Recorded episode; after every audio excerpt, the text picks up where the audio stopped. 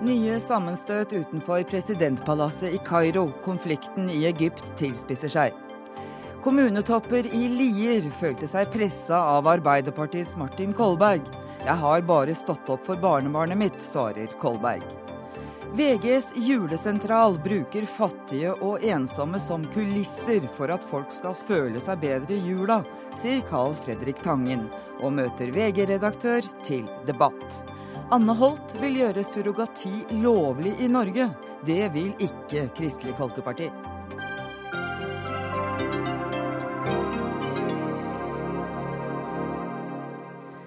Velkommen til Dagsnytt 18 her i NRK P2 og i NRK2 i studio Eva Nordlund.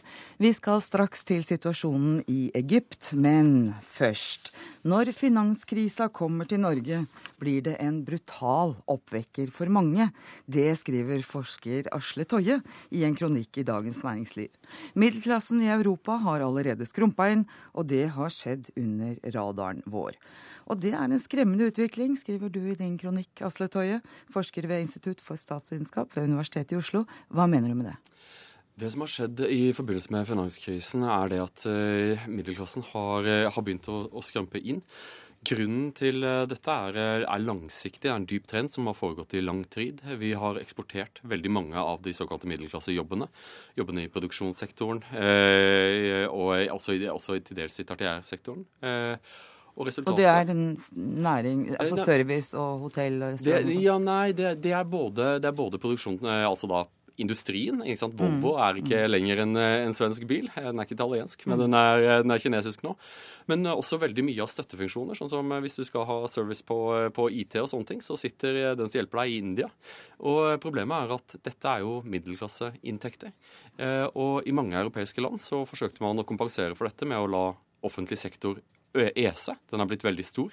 Eh, Hvilke land tenker du på da? Da snakker vi om hele Europa. Gjennomsnittlig så er nå offentlig sektors forbruk av den totale verdiskapningen rundt omkring i Europa opp under 50 eh, Og problemet er at i denne finanskrisen så er da eh, de godene og de verdiene som kan beskattes, de har blitt færre. Og staten får da mindre inntekter og har problemer med å få regnskapet til å gå i hop, for de har veldig store fordringer. Det er veldig mange som arbeider i offentlig sektor. Eh, og lenge så plugget man dette med forbrukslån. Man tok opp lån for å drifte staten. Eh, og nå kommer en del land, spesielt sør, i en situasjon hvor de ikke får lån lenger, og må begynne å kutte i offentlig sektor. Og resultatet er at hundretusener av europeere står i sjanse i fare for å ikke kunne leve det middelklasselivet de hadde forventet seg. Kort sagt så er det mange med mastergrad som nå står i kassa. Hva er konsekvensen av det, mener du? Eh, Barbara Ehrenreich har skrevet om noe hun kaller 'frykten for å falle' faren kan være politisk radikalisering. At for middelklassen er ikke noe mer sympatisk enn andre mennesker. Når man står i fare for å miste det man har, så kan eh, politisk radikalisme være resultatet. Vi har allerede sett utslag av dette, både i forhold til venstreradikalisme og høyreradikalisme i Europa. Eksempler? I Hellas så ser vi eh, Gyllen morgengry, et nazistisk parti, vokser seg sterkt. Samtidig så ser vi ureformerte kommunister eh, gjøre det veldig godt ved valg. Hvordan? Eh, I, dette er i Hellas. Og Samtidig så ser vi en bølge av protester i Europa som retter seg mot selve den demokratiske infrastrukturen. Eh, folk føler seg svindla. De føler at eh, så lenge deres samfunn klarte å levere to ting, velstand og jobber, så hadde systemet legitimitet. Og denne legitimiteten er i ferd med å svekkes nå. Mm. Journalist og kommentator i Dagens Næringsliv og forfatter av boka 'Europaveien', Kjetil Widesvang. Hva sier du om denne analysen og dette framtidssynet? Ja, Noe av det er riktig. Det er Hva da? Altså, det er riktig at det er en krise i Europa. Uh, tror jeg nok uh, De som er hardest rammet i første omgang, eller akkurat nå, er vel mer arbeiderklassen. Altså, det er de som først og fremst har mistet jobbene sine, ikke middelklassen. Og innen denne middelklassen så høres det litt sånn sutrete ut. Altså det, er, det er litt for mange teatervitere og journalister og statsvitere. Uh, ja, du for, sier for, for, at Toje sutrer på vegne av seg sjøl og andre? Ja, oss to. Det er våre jobber som er litt ut, uh, utsatt. Altså, kollega av meg som sa at hadde vi kunnet regne, så hadde vi blitt noe bedre enn journalister. Uh, litt sånn. men, er... men, men, stort sett altså Hvis du tar det store bildet, du snakker om et bilde på 40 år, så er det en fantastisk utvikling. Altså, For 40 år siden så var det 3 milliarder mennesker her i verden, hvorav 1 milliard var lutfattige, 1 var sånn hadde det dårlig, og én hadde det bra. Nå er vi 7 milliarder. Det er fremdeles 1 milliard som er lutfattig. Uh, par som har det dårlig, og ganske mange som har, ganske mange som har det bra. Altså Dette er den globaliseringen som dette er en effekt av. Og totaleffekten er fantastisk. Globalisering, skal du bare definere det litt? Ja. Globalisering er at man har begynt å handle med hverandre på tvers av, eh, på tvers av alle grenser. Og når du sier vi har eksportert jobber, ja, det har vi. Det har ført til at det har blitt en milliard færre fattige i eh, stort sett østlige land, Afrika, Latin-Amerika. Mm. Eh, saken er det at eh, Vi har tall fra, fra USA eh, som viser at eh, når Obama snakker om at han har skaffet 100 000 nye jobber mm. Det interessante her er at de jobbene som forsvant, var klassiske middelklasseinntekter. Eh, ganske vanlige inntekter. Og de mm. jobbene som blir skapt, er i den laveste kategorien. De som tjener mellom 8 og 14 dollar i, eh, i timen. Og resultatet er at veldig mange mennesker eh, må, må, ta arbeid som de ikke hadde regnet med mm. at de måtte ta. Eh, I Europa så har vi hatt en enorm produksjon innenfor universitetene primært innenfor eh, samfunnsvitenskapet. Jeg, jeg, jeg, kan være godt enig i at jeg, at jeg, at jeg kan Du er litt bekymra på egne vegne? Eh, jeg, har det helt greit, mm. men eh, jeg er bekymret også for de, for de hundretusener av grekere, spanjoler, portugisere som har mm. en mastergrad i sosiologi eller sosialantropologi eller statsvitenskap, og som finner ut at dette ikke er en reell kvalifikasjon lenger. For Jeg snakket nettopp med en venn som fortalte om eh, at han, eh, han søkte på jobb med en mastergrad i sosiologi, mm. og fikk beskjed om at den utdannelsen var like relevant som om han kunne, kunne fortelle at han likte å dra på ferie til Mallorca. Helt irrelevant. Men middelklassen eh, snakker du om. Du var inne på arbeiderklassen. Så er det også sånn et litt større land i Europa enn Hellas, nemlig Spania, så har 52 av ungdommen arbeidsløse. Det, det, er vel litt sammensatt, dette bildet? Eh, saken er at når da denne, dette regnestykket at eh, kvalifikasjoner pluss eh, hardt arbeid er lik jobb, når dette regnestykket ikke går opp lenger, mm. så står man i fare for å skape en sterk motreaksjon. Og det som uroer meg, er at jeg kan ikke se hvordan Europa skal komme seg raskt ut av denne krisen. Og grunnen er at den raskeste måten å komme seg ut av en finansiell krise på tradisjonelt har vært å eksportere seg ut. Man dumper valutaen, kjører den i bånn, mm. og så produserer man seg ut. Hva, men hvordan kommer man seg ut av en krise når man har eksportert den eh, produktive sektoren? Vi produserer ikke så mye i Europa lenger i dag. Det er et stort unntak. Tyskland. Det, du, har, altså, du har et geografisk veldig forskjellig, eller spredt bilde her. Det er jo ikke slik at uh, dette er like store problemer overalt. Altså, De nordlige landene, grovt sagt de protestantiske landene, har klart seg relativt bra. De, uh, de, de, andre har ikke. Altså De som sitter med tre grovt sett tre økonomiske modeller i Europa. Du har uh, nordiske, eller Rhineland-modellen her oppe. Du har en sånn anglo-amerikansk modell, og du har en latinsk modell. Latinske har gjort det forferdelig. Mm. Den angloamerikanske hangler veldig, øh, veldig. Vi som bruker vår nordiske modell, altså med stort sett mer eller mindre sosialdemokratiske virkemidler har klart det mye bedre. Her er også forskjellene mindre. Her mm. rammes vi mindre. Ikke sant. Men så uh, har jeg skjønt deg dit hen at du mener at det er et spørsmål om når finanskrisa også rammer Norge. Og da handler det om hva skjer da? Altså hvilke, hva er det mest sannsynlige scenarioet? Ja. Og du mener da at dette kan skje her, at du og kollegaer, og hvis det gjelder deg, Videsvang, så gjelder det meg òg, at det er vi som får liv først. Du mener det? Ja, eller nettopp. Jeg må bare ta Vidvangs eh, poeng og gjøre rettet tilbake mot han. Vi er i integrert økonomi. Mm. veldig mange europeiske land har en felles eh, valuta. lenge så, har, så, trodde man man kunne lokalisere denne krisen til de landene som har gjort det dårligst. nå ser vi en fare for at dette kan smitte over i Frankrike, og da kommer 101 til å være ute. Ja, Men nå så tar vi Norge nå, for å komme dit. Hva er det alternativet? Altså, du, du er redd for at vi skal få en situasjon som i mellomkrigstiden, at du får en radikalisering. Det man gjorde der, Da var jo nettopp å stenge grensene. Prøve å lukke de jobbene, prøve å beskytte hver sin uh, industribase. Mm. Det funket veldig dårlig. Det gikk aldeles Men her er det mye som kan diskuteres. Det er også en sammensatt eh, analyse. Men når og dersom finanskrisa kommer til Norge, hva skjer da? Prøv å være litt kort. Eh, saken er det vi har sett over i europeiske land, at når eh, denne krisen har kommet, så har denne eh, tradisjonen for at man bruker trygd, eh, til at en trygd kan være en, en relativt komfortabel inntekt, i land til land så tar man nå etter de tyske hardsreformene, der eh, trygd er et minimum. Vi må ikke snakke om sånt som vi ikke kan alle sammen. Vi må være med.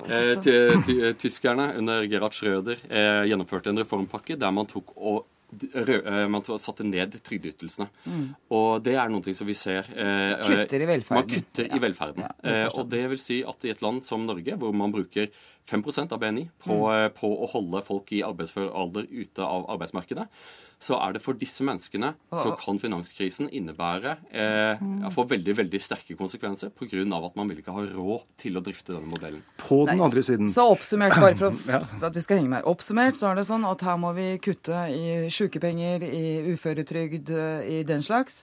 Og det er, det er ditt poeng? Det, det, er det som har skjedd i Sør-Europa, ja. Ja, Og det mener du vil måtte skje her? Det er, det, det er, det er all grunn til å tro det. Ja. Vær så god, Widsvang. Jo, altså jeg tror vi kommer til å se en eh, reform av velferdssystemene. Jeg tror ikke det er bærekraftig som vi har det nå. Men det er også interessant å se på de modellene de nå forsøker å bygge opp i land som Indonesia, eh, Kina delvis, eller i Asia. Lage nye typer velferdsmodeller som mangler en del av de svakhetene vi har. Bortsett fra det. Så kom en veldig interessant doktoravhandling i fjor som viser at demokratier som regnet på Knutsen, regnet på 150 land gjennom 180 år. Demokratier har jevnt over en økonomisk vekst på 1-1,5% mer enn diktaturer. De vi konkurrerer med, har også store problemer. Vi har en god base i bånn her. Og som Aftenposten skriver i dag, dette skaper også nyskapning i en del av de landene. Det er litt av effekten at nød lærer nøken kvinne at spinne. altså. Det går an å håpe. Ja, men eh, hva, Oppsummert, hva tror du skjer i Norge da, Widsvang? Får vi kutt i velferden uavhengig av hvem som sitter på Stortinget? Jeg tror Norge har helt spesielle regjering, ja, ja, det er viktig. Ja, ja, ja, nettopp. I regjering. Jeg tror Norge har helt spesielle problemer. Det er klart Når vi har eh, øker lønn i lønnsnivået vårt og velferdsnivået langt utover nabolandene, så får litt sånn tegnefilmfølelsen at vi har spasert utfor stupet og når vi ser ned, så kommer det til å falle ganske fort. Men jeg tror totalt sett for Europa har mye bedre sjanse enn et, dette dommedagsscenarioet. Takk skal du ha, Videsvang, og takk til deg, Asle Toje. Hør Dagsnytt 18 når du vil, på nettradio eller som podkast. nrk.no – dagsnytt 18.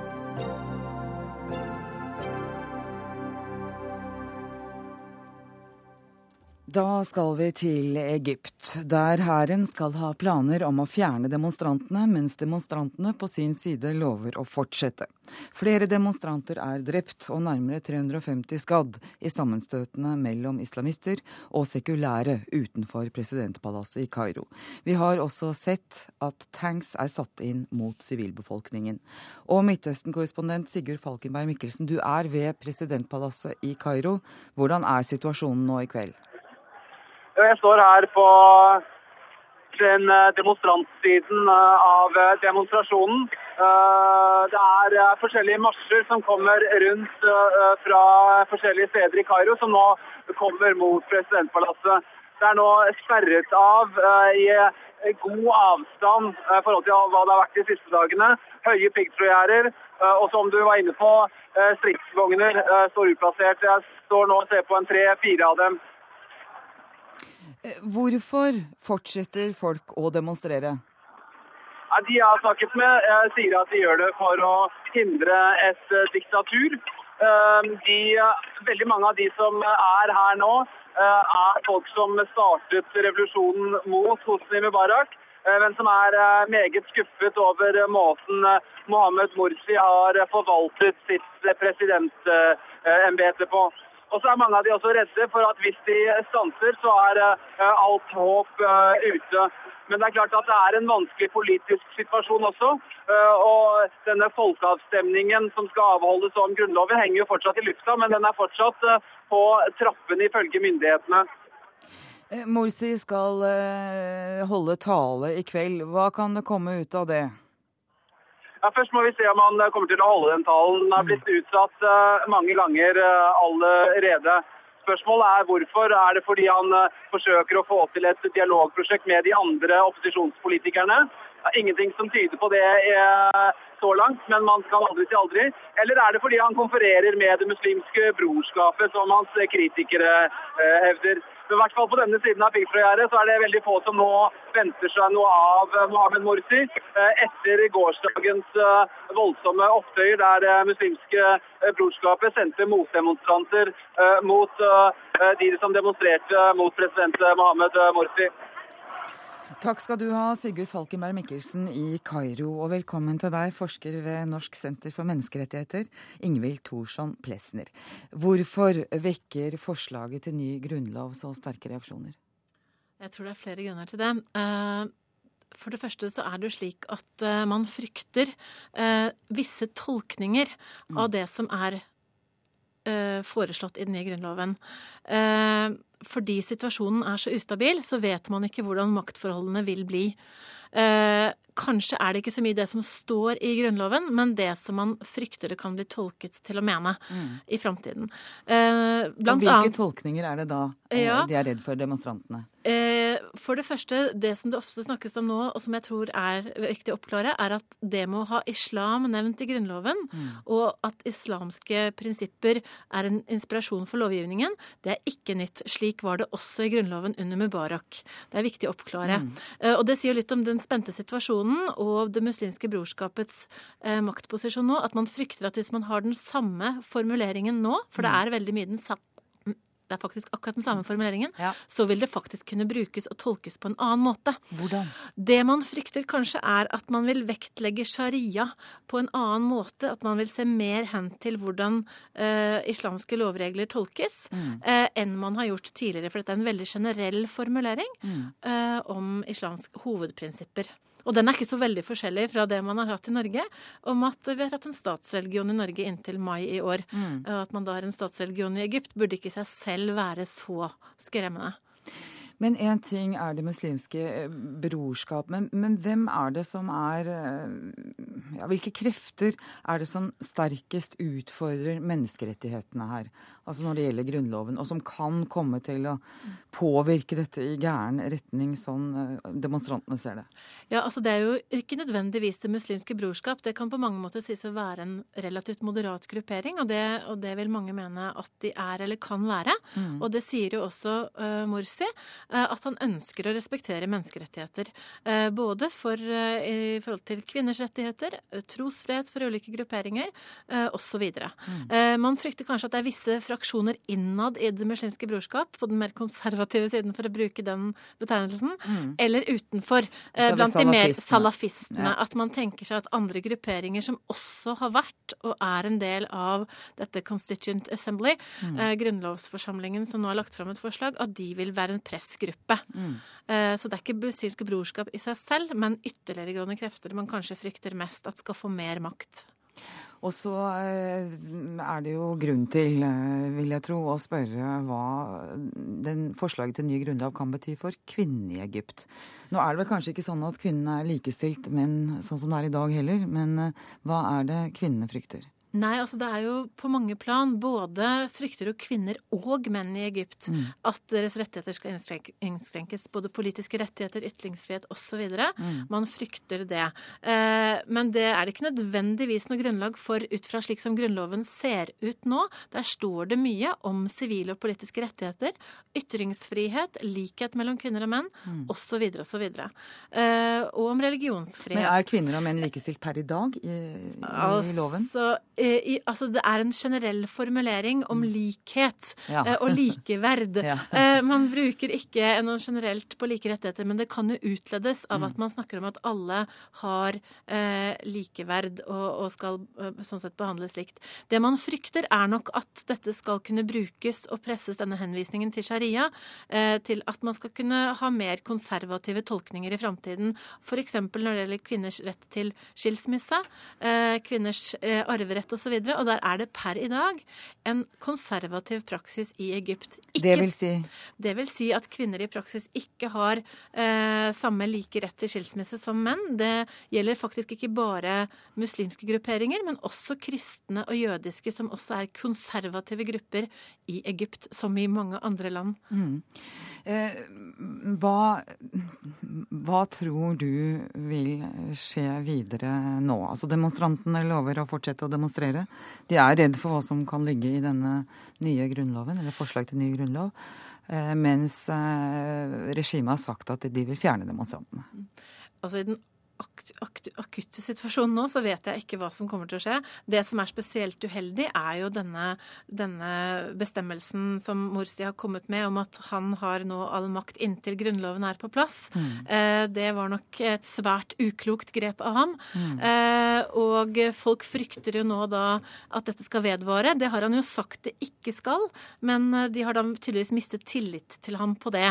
Eh, de frykter også at denne grunnloven skal bli valgt. Det er jo, skal få tilslutning. Det er jo avstemning annonsert til 15.12. Mm.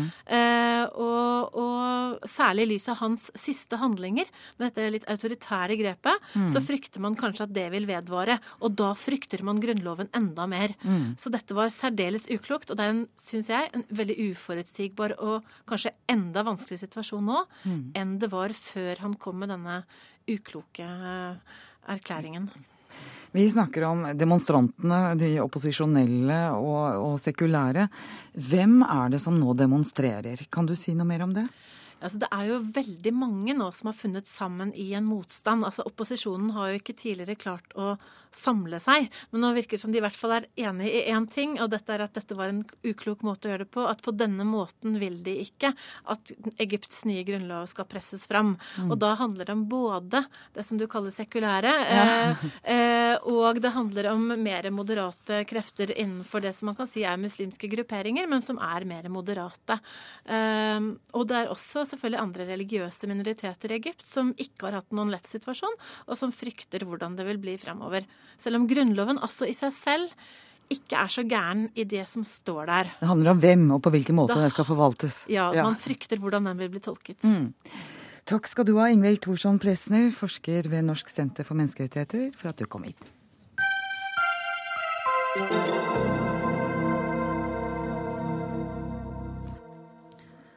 Stortingsrepresentant Martin Kolberg anklages for å ha pressa kommuneansatte, kan vi lese i Drammens Tidende i dag. Kolbergs hjemkommune Lier har anmeldt politikerens datter, og det skal ha vært i den forbindelse Kolberg har tatt kontakt med kommunen. Og ordfører i Lier, Helene Justad, på hvilken måte har Kolberg pressa dine ansatte? Nei, det har jo kommet eh henvendelser på telefon, og det har også vært en episode på eh, møterommet vårt Glitra, hvor han eh, irettesatte eh, kommuneadvokaten ganske kraftig i vitners påhør. Så det er mer enn to-tre telefoner. Det er jo eh, en del uh, uheldige episoder som uh, er opplevd som, uh, som press av de ansatte. Mm. Ja, det må det jo være, for i VG i dag så står det at noen av de kommuneansatte sitat, ikke fikk trent etterpå, andre fikk søvnproblemer, og noen hadde tårer i øynene på jobb.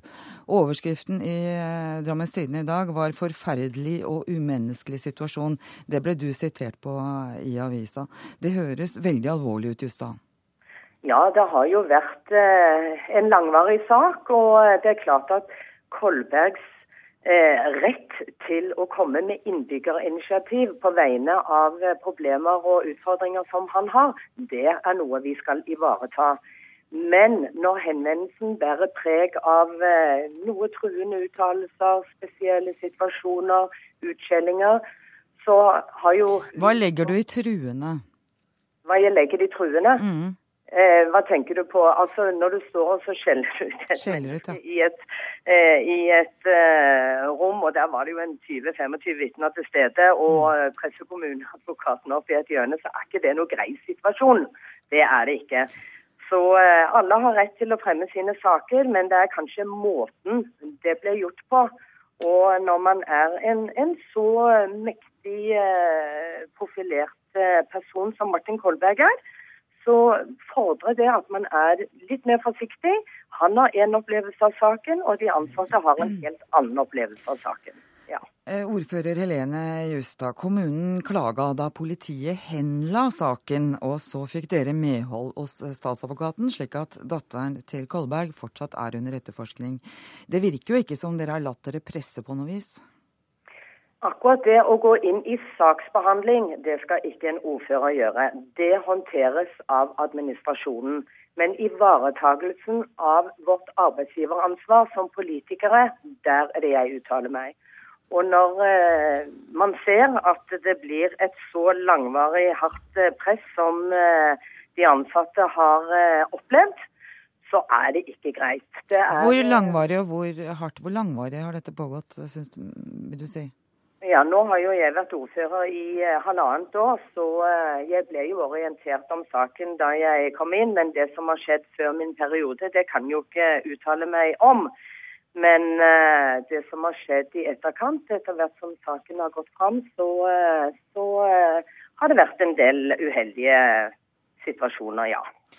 Eh, Martin Kolberg sier han har vært en engasjert bestefar som har tatt del i kampen for lovmessige rettigheter for et multifunksjonshemmet eh, barnebarn. Er det ikke det helt legitimt, og er det ikke da også forståelig at det kan bli sterke følelser? Jo, og det sa jo også tidligere. At det er helt forståelig, og alle kjemper jo for sine saker. Men her er det vel kanskje måten man har kjempet på som har falt noe uheldig ut. Kontakten med kommuneadvokat og rådmann skjedde så vidt vi kan se for halvannet år siden. Hvorfor går dere ut med historien nå? Det er nok vi som har gått ut med historien. Det er jo pressen som henvender seg til oss, og vi svarer så godt vi kan. Mm. Det administrative på saksbehandling og jeg som politiker. Så det er absolutt ikke noe kommunen på noe hold har løftet fram. Det er eh, meg bekjent så er det Drammens Tidende og, og, pressen som har jobbet lenge med dette her. Så eh, da har de jo samlet inn fakta og har valgt å løfte det fram på dette tidspunkt. Det har vi ikke verken påvirket eller ønsket å påvirke. Det er ikke sånn at dere har følt behov for å sette Kolberg litt på plass? Det har ikke vært i våre tanker. Her er det snakk om et menneske som trenger behov og hjelp, som, eh, som trenger tjenester. Og det er jo det som administrasjonen har ønsket å løse. Så har det da ut ifra de ansatte blitt opplevd et utilbørlig press som har gjort en del situasjoner vanskelig. Og mitt ansvar det er å ivareta de ansattes opplevelse av dette her òg. Selvfølgelig. Det er jo en grense for hva man også kan tåle, og en grense for hva man også kan utøve press. At man tar vare på sine nære. Det er fullt ut forståelig, og det ønsker også Lier kommune. Eh, ordfører i Lier, Helene Justad fra Høyre. Hvor mottakelig er du og kommunen for reaksjoner fra innbyggere som berøres av kommunens vedtak? Du, det er jeg som ordfører skal være og er en ombudsmann for innbyggerne. Det er derfor vi er valgt, det er derfor vi har demokratiet. Har daglige henvendelser på e-mail, på telefoner, det er personlige oppmøter. Og jeg har ikke møtt noen ennå som ikke har følt seg ivaretatt i min rolle. Jeg tar imot alle. Jeg løser ikke sakene, for en ordfører skal ikke saksbehandle. Men du tar imot, du lytter og hjelper folk videre i et system som ofte kan virke kronglete for mange. Full forståelse for det. Takk for at du var med i Dagsnytt 18, ordfører Lier Helene Justad. Da skal du få gå tilbake til formannskapsmøtet ditt. Martin Kolberg, stortingsrepresentant for Arbeiderpartiet og innbygger i Lier kommune. Du hører nå hvordan ansatte i kommunen har, har lidd etter påståtte overhalinger fra deg. Hva har du å si til det? Jeg stiller meg uforstående til det. Og jeg stiller meg uforstående til mye av det som jeg hørte nå ordføreren også sa. Hun snakket om et langvarig press. Jeg har hatt tre samtaler om den aktuelle saken for halvannet år siden, og ikke siden. Altså det er halvannet år siden jeg har snakket om dette. Å karakterisere det som et langvarig press når jeg har to samtaler, mener jeg det var, med rådmannen, som er administrasjonens fremste uh, representant og, og sjef, mm. Og kommuneadvokaten, som jo absolutt er rette vedkommende når det er snakk om anmeldelser til politiet.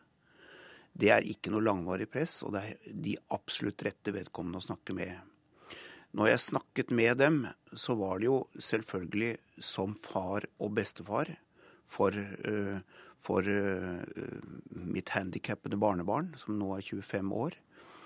Uh, og som vi har hatt masse arbeid med, selvfølgelig, gjennom åra, og mye omsorg for. Men også for min datter, som jo har vært stort sett alene med å ta ansvar for henne. Og så får vi altså en anmeldelse om eh, da bedrageri, må det være. Og da henvender jeg meg til rådmannen og snakker med han om det. Da har jeg selvfølgelig et engasjement, men dette er altså kommunens rådmann jeg snakker om. Mm.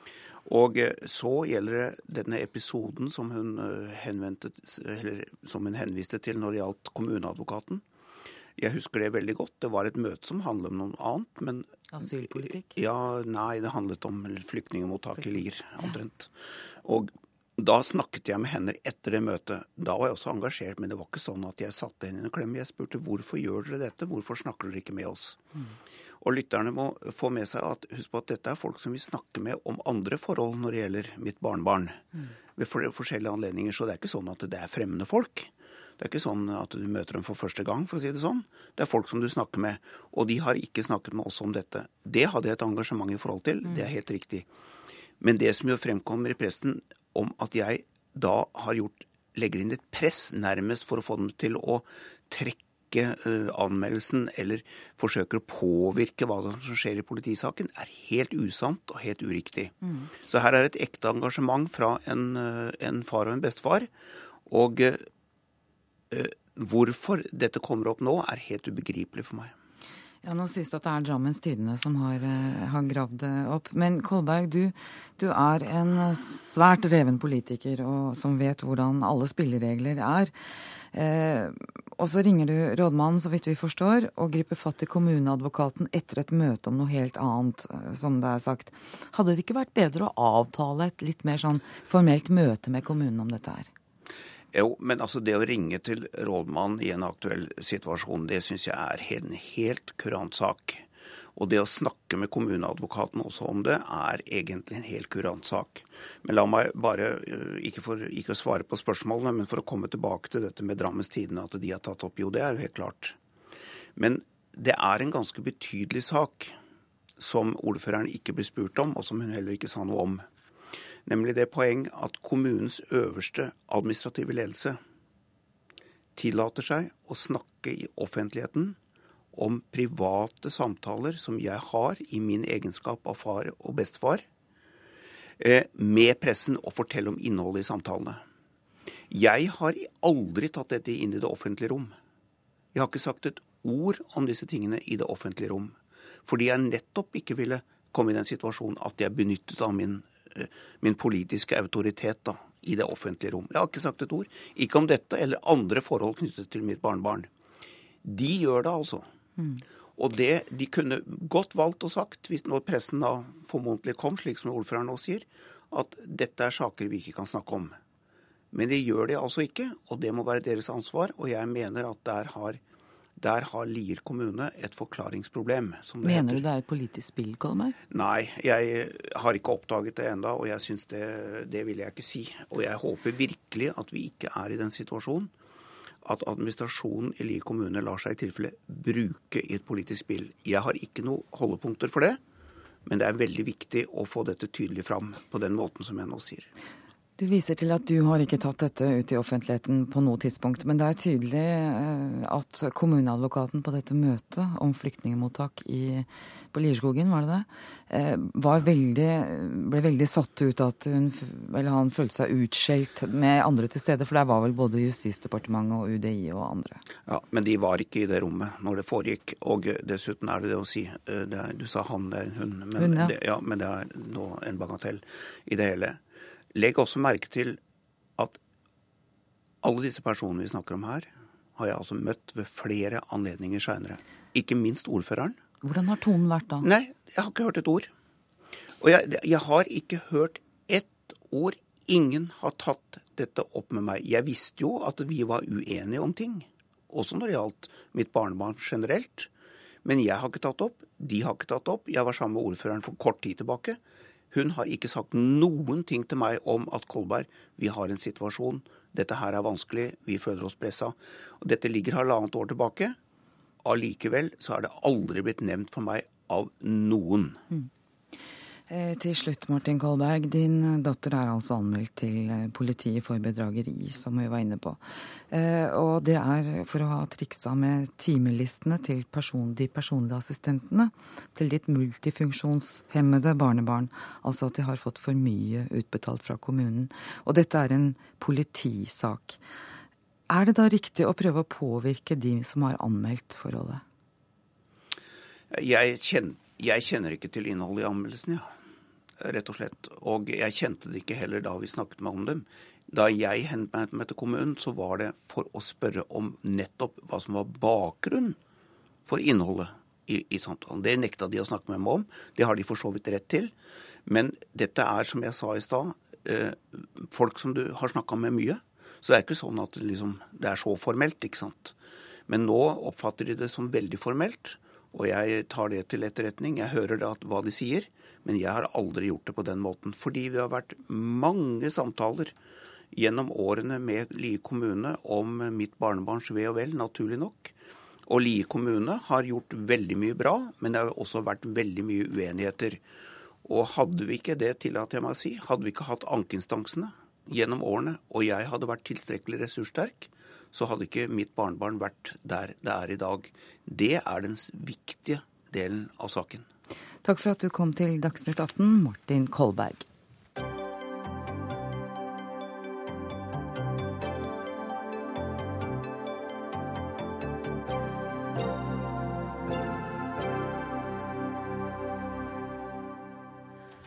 VG driver julesentral, der avisa kobler ensomme med folk som vil feire høytida sammen med de ensomme. Eh, en ny suppestasjon der borgerskapet hjelper de fattige, sier samfunnsgeograf ved Markedshøgskolen, Carl Fredrik Tangen, som mener de fattige og ensomme blir kulisser avisene rigger for at folk skal føle seg bedre i jula.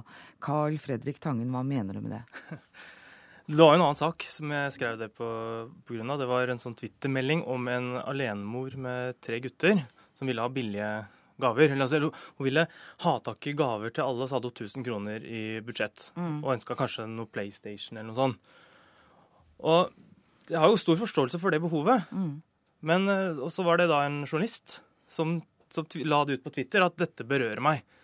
Og så svarte jeg at eh, det, er synd at det ikke er liksom, desember elleve måneder i året. Så, altså, fordi da hadde jo alt ordna seg. Altså, jeg reagerer på den viljen til å ordne ting som er i desember. Mm. Og så blir alt som før allikevel. Og, og da jeg reagerte når en journalist gjorde det, så er det fordi at jeg syns at pressen liksom, drar opp sånne, en sånn godhetsgreie ved juletider.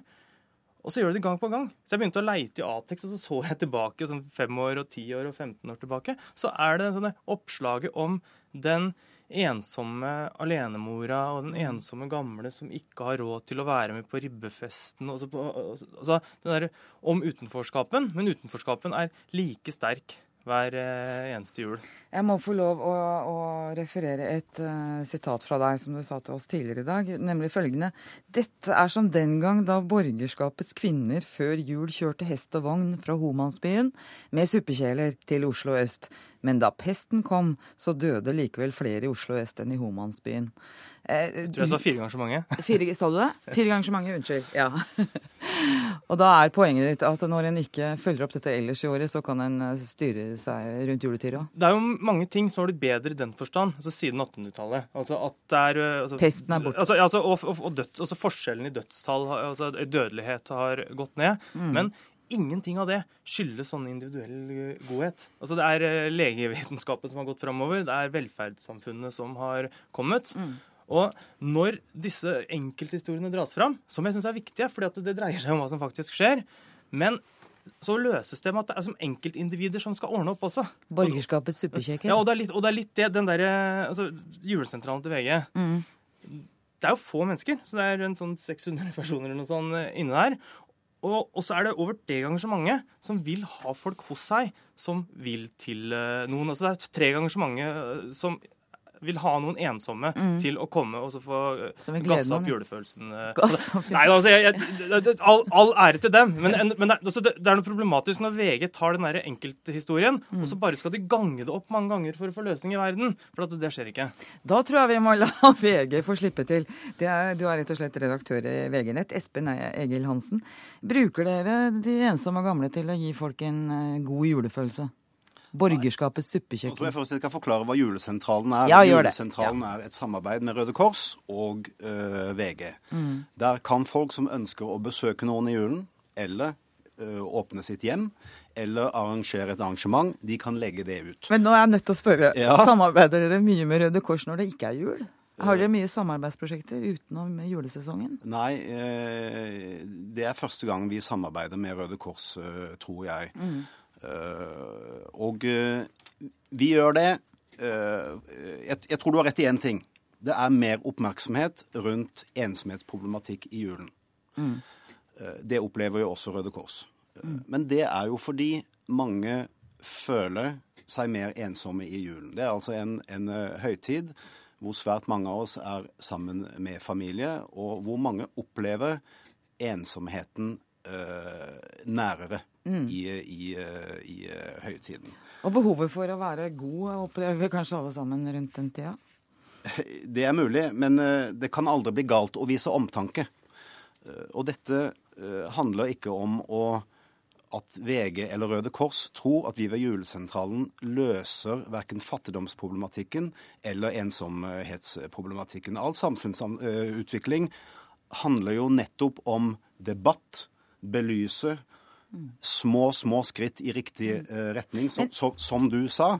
Og julesentralen er et bitte lite skritt for samfunnet, men for den enkelte, for de kanskje 2000-5000 som får et sted å være, og de som får motta, så er jo dette viktig. Men alternativet hadde jo vært, eh, som, som Tangen har vært opptatt av, at en, en eh, hadde saker om hvorfor vi har fattigdom i Norge, og hvordan dette kunne, fattigdommen kunne ryddes av, av veien. Og da stille ansvarlige politikere til veggs, f.eks.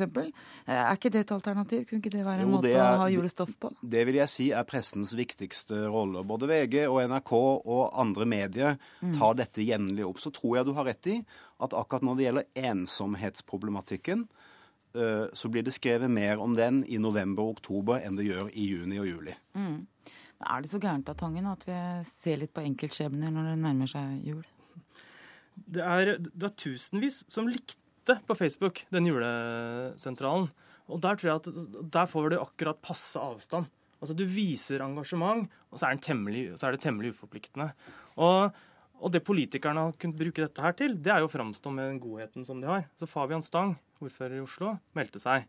Og så sier han det, og det tror jeg er ganske sånn symptomatisk, at uh, de, hvis det er noen ensomme som er i nærheten av Skeikampen uh, på julaften, så kan det jo, så kan de jo komme.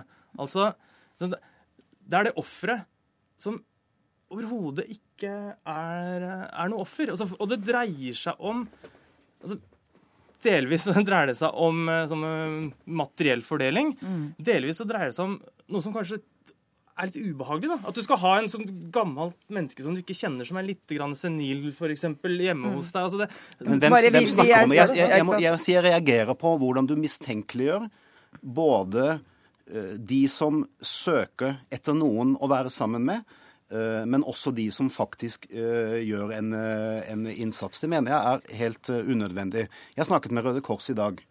De har i årevis prøvd å eh, fokusere på unge ensomme. Det er et av de få tabuene vi har igjen. Du er ung, du føler deg ensom. De opplever nå at det tabuet er i ferd med å bli brutt. Og, og, og tillegger det mye den debatten som er kommet etter julesentralen. Der er det både unge mennesker som sier 'jeg vil gjerne være besøksvenn på julaften', men det er også mange unge mennesker som nå tør å si 'jeg føler meg alene, jeg vil gjerne treffe noen andre i julen'. Er ikke det bra? Men de tabuene, at de har blitt borte, har jo ikke hjulpet noen ting. Altså, det er jo masse ensomme eldre. Det er, det er, det, er det, dere, er det, dere på, det er det dere påviser. Der må vi dessverre avslutte. Takk skal dere ha, Espen Egil Hansen og Carl Fredrik Tange.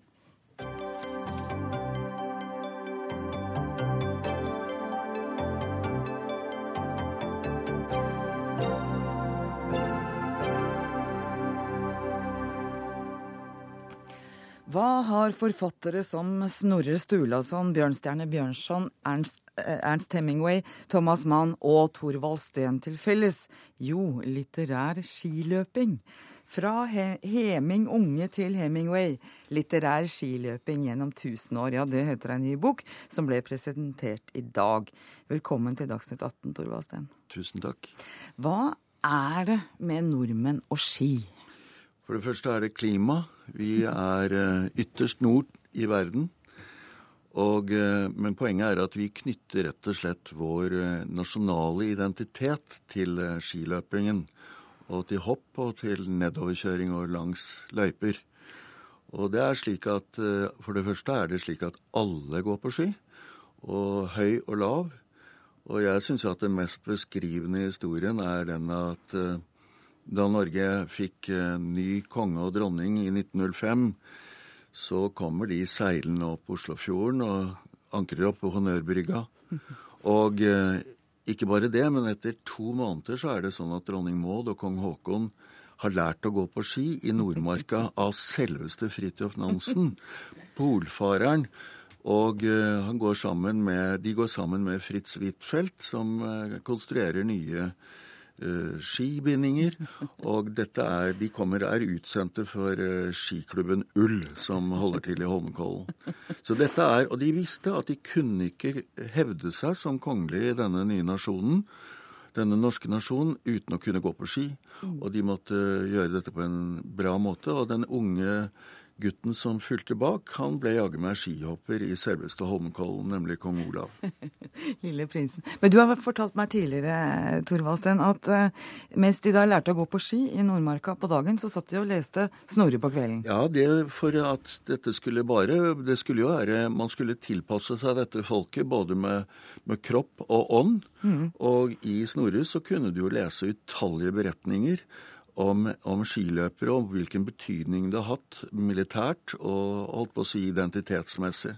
Og tenkte tenk deg også da at forfatteren er, altså Snorre, er jo en islending som knapt kunne gå på ski selv. Så han hadde jo et førstehåndsinntrykk av hva dette ville si. Mm.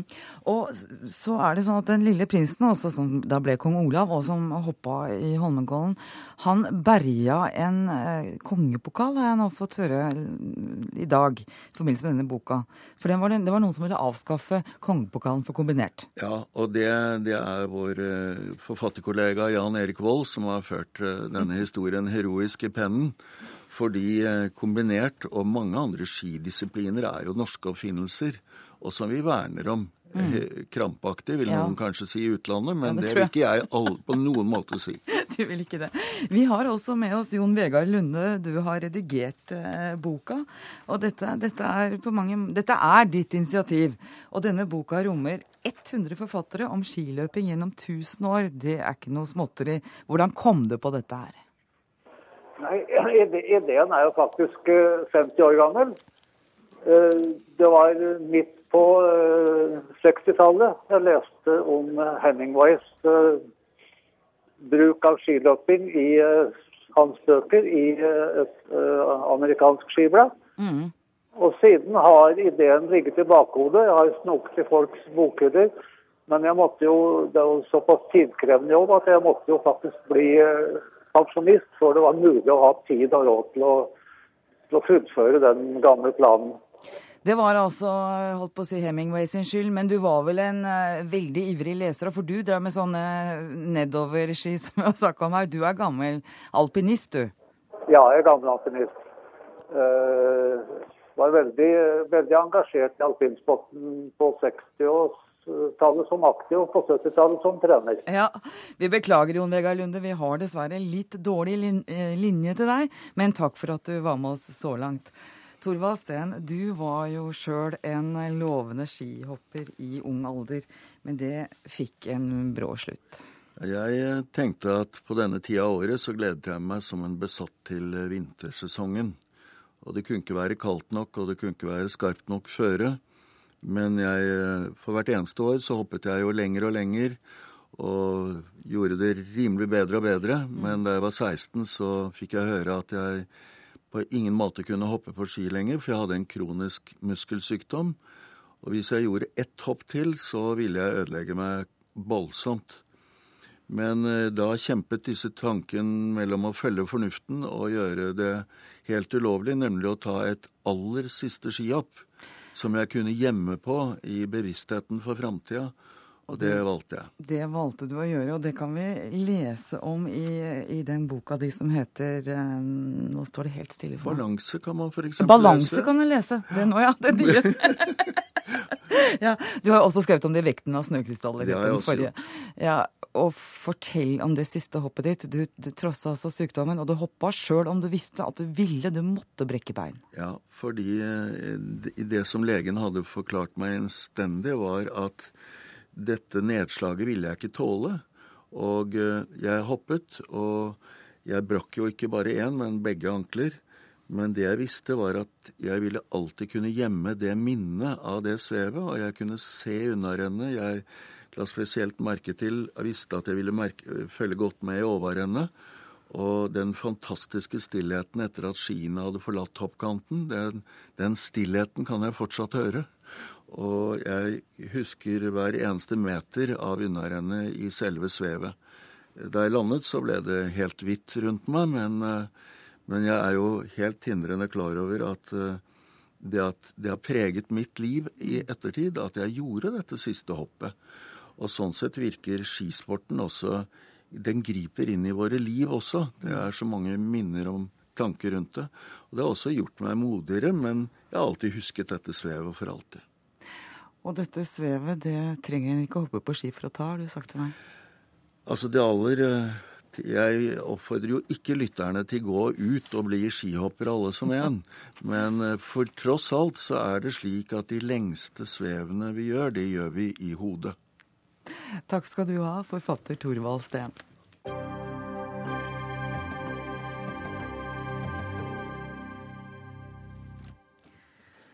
Debatten om eh, surrogatforeldre har tilspissa seg denne uka, da det ble kjent at kronprinsesse Mette-Marit har hjulpet et vennepar med å passe to babyer i India som var unnfanget ved hjelp av surrogatmor.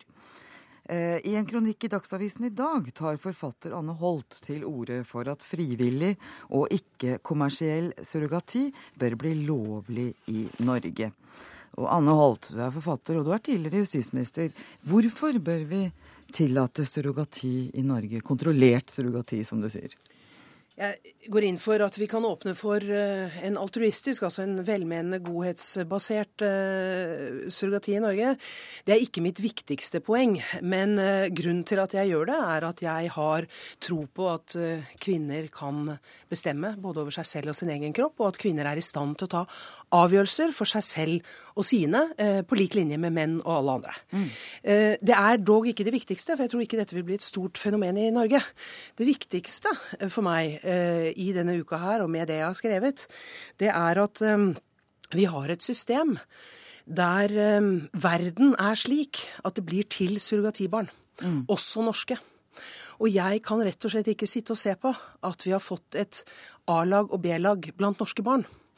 Og det er det ærendet jeg er ute etter. Det er å finne et system hvor vi begrenser de negative konsekvensene av surrogati, og sørger for at alle barn er like i Norge. Mm. Øyvind Håbrekke fra Kristelig Folkeparti, du er stortingsrepresentant og nestleder i Stortingets familie- og kulturkomité. Eh, hva syns du om Anne Holsts forslag og, og tenking? A- og B-barn, det er ikke bra? A- og B-barn skal vi ikke ha. Og det er jo ganske enkelt sånn at vi er alle sammen like mye verdt uansett hvor vi kommer fra og hvordan vi har eh, kommet til verden. Mm. Går vi en generasjon eller to tilbake, så har vi alle ulike historier. Og hadde alle skulle ha blitt det på moralsk vis, så er det sikkert ingen av oss som har sittet her. Så det er veldig greit. Men uh, Er dette umoralsk, mener du? Nei. I og med at du var inne på moralsk vis? Nei, jeg skal ikke karakterisere hennes utsagn eller resonnement på den måten. Eh, men når det gjelder surrogati som sådan, enten det er den ene eller den andre varianten, så bryter det fullstendig med Eh, eh, vår tenkning, vår samfunnstenkning om voksne, unger, ansvar, foreldreskap. Ja, På hvilken måte? Jo, eksempel, Man kan ta uh, talløse eksempel på det, men eksempel så vil vi jo ikke lære opp våre unge kvinner til at en unge du bærer fram, den kan du glemme, den kan du levere fra deg. Vi ønsker ikke å lære opp unge menn til at eh, om du gjør ei kvinne gravid, så kan du reise tilbake på andre sida av jordkloden, så kan du komme og hente, komme hente ungen når den er ferdig. Vi ønsker, du, ønsker å oppdra unge menn til at du tar ansvar hele veien.